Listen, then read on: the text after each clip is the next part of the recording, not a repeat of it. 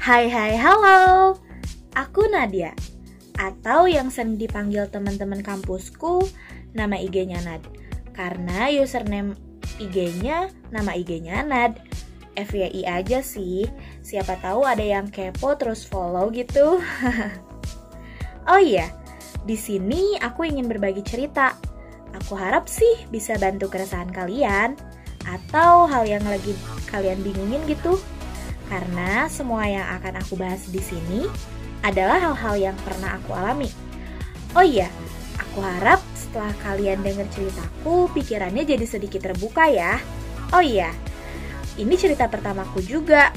Jadi, enjoy ya. Introvert. Bagi sebagian besar orang, pasti selalu mengaitkannya dengan sifat yang pendiam, penyendiri, antisosial, susah bersosialisasi, bahkan pemalu, atau gak percaya diri, apalagi buat ngomong depan umum. Aku juga awalnya berpikir hal yang sama sih.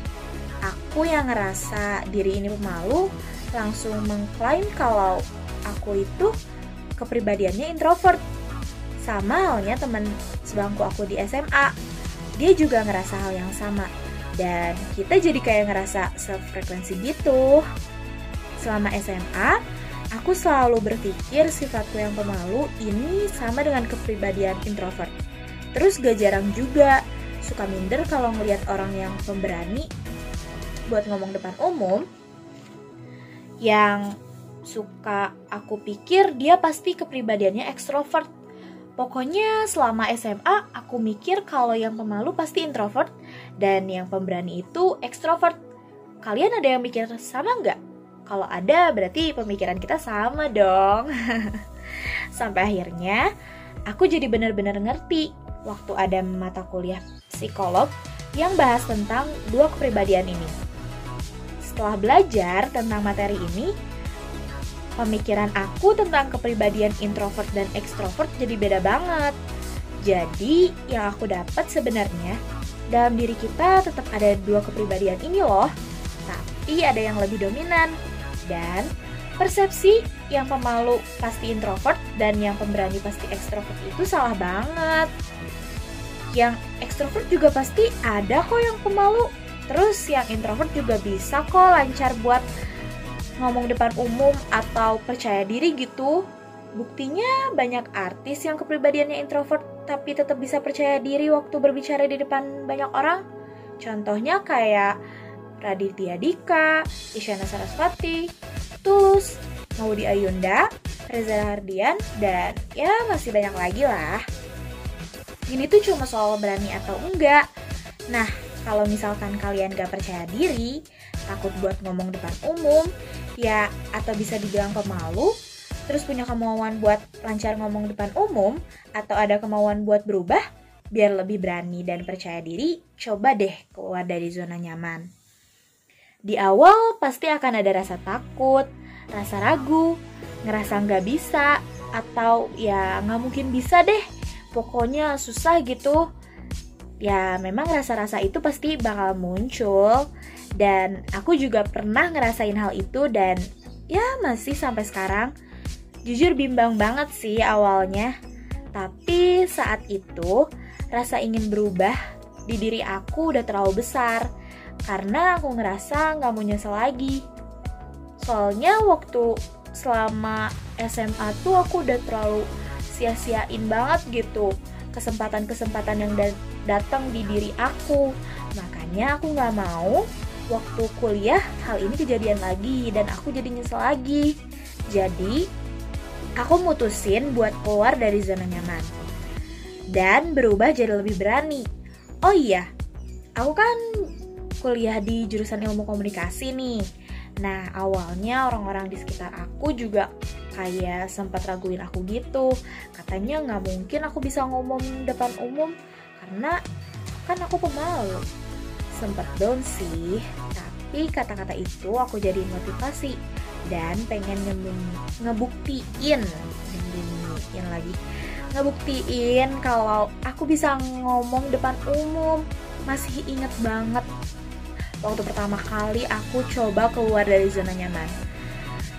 itu tuh waktu aku ngelamar kerja part time di sebuah perusahaan dan yang harus aku buat uh, nyampein pendapat di depan banyak orang biar bisa lolos ke tahap selanjutnya. Katanya sih gitu.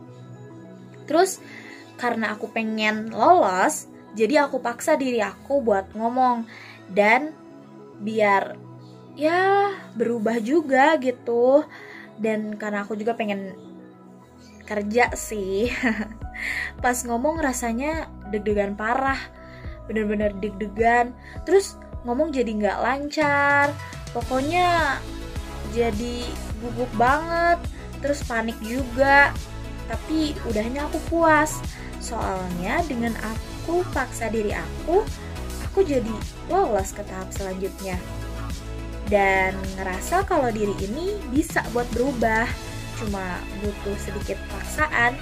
Karena kalau misalkan gak dipaksa terus bakal terus berada di zona nyaman dan ya bakal terus gak berani.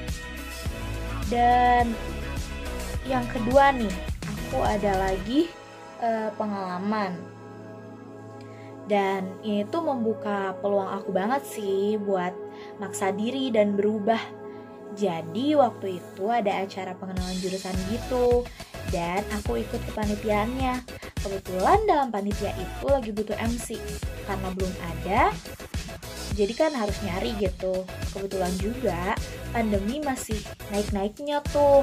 Jadi nggak memungkinkan buat rekrut tambahan orang.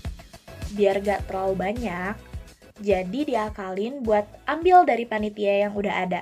Eh, tiba-tiba temen aku nyeletuk. Terus nunjuk aku buat jadi MC. Karena dianggap bisa. Soalnya aku ikut lembaga pers mahasiswa gitu, yang tugasnya bikin liputan TV. Tapi, kan kalau liputan TV ngomongnya depan kamera ya, nggak depan banyak orang. Sedangkan ini kan harus ngomong depan banyak orang. Tapi, uh, dengan itu aku harus terpaksa nerima karena gak ada lagi yang bisa. Dan aku juga dikasih nasihat sama temen yang udah ada pengalaman di MC juga. Katanya lebih baik mencoba meskipun gak maksimal dan berusaha buat perbaiki ke depannya.